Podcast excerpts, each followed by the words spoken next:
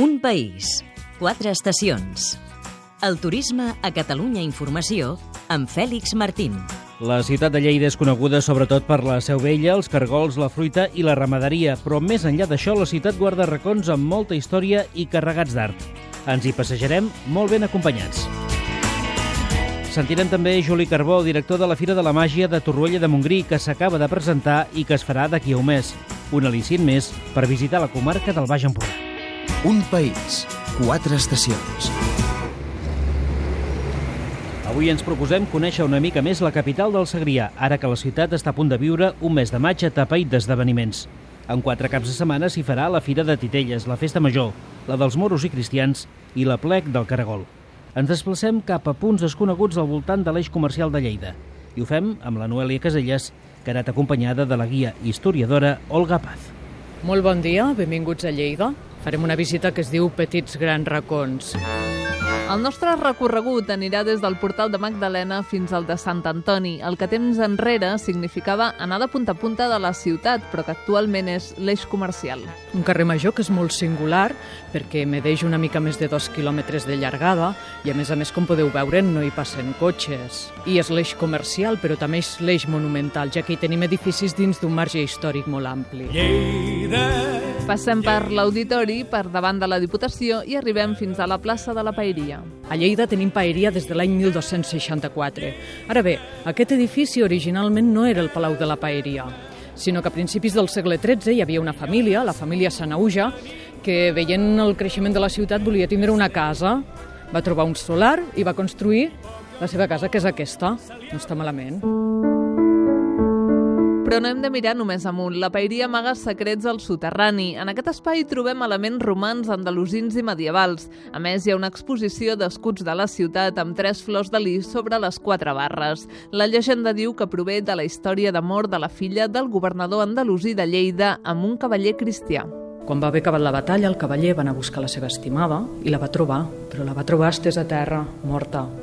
El cavaller es va ficar tan trist que va agafar el seu escut on hi havia les barres i li va col·locar sobre del pit. Però de la mateixa tristor, de la mateixa ràbia, el cavaller també es va arrencar les vestidures i li va col·locar sobre del pit. En aquestes vestidures hi havia representades les tres flors de lis. I encara una altra història. Al segle XV, els soterranis de la paeria es van transformar en presó. Aquests soterranis van funcionar com a presó entre el segle XV i el segle XIX. Tenim documentades sis cel·les.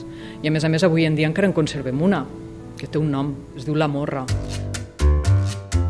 Sortint de la paeria, amb esquerra ens queda la plaça de Sant Francesc, on conviuen les línies corbes d'un edifici modernista, la Casa Malció, les línies rectes de l'antiga hisenda pública i la façana barroca de l'església de Sant Pere. En el seu interior està enterrat Gaspar de Portolà, el primer governador de Califòrnia. I què hi fa el primer governador de Califòrnia aquí? Perquè era fill de terres lleidatanes. Aquesta és la raó.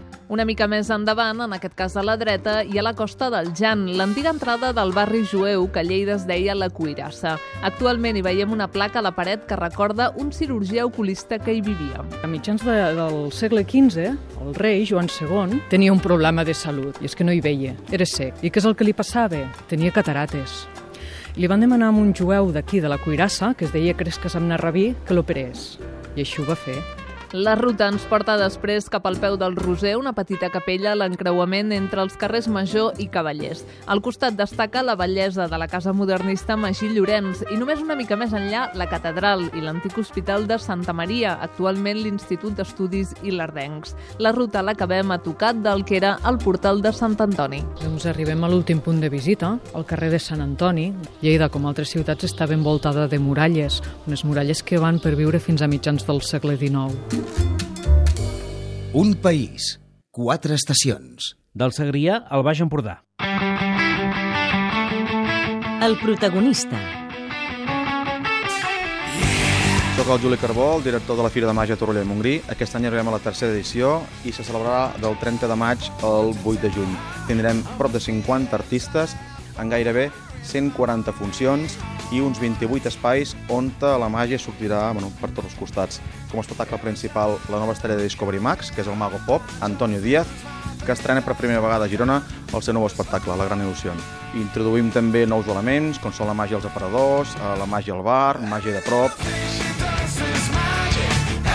Convidem a tothom a venir a el que serà la tercera edició de FIMAC, Si us voleu reservar les dates, el 6, 7 i 8 de juny, us esperarem amb les mans obertes perquè gaudiu i disfruteu grans, petits, famílies i tota la gent que vulgui acompanyar-nos en aquests tres dies perquè serà la gran festa de la màgia a Torroella de Montgrí.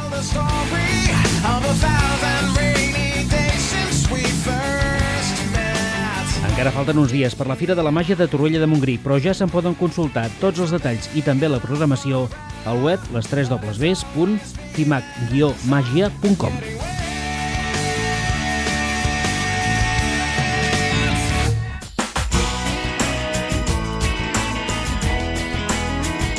Un país, quatre estacions. Un programa realitzat des dels centres territorials de Catalunya Informació.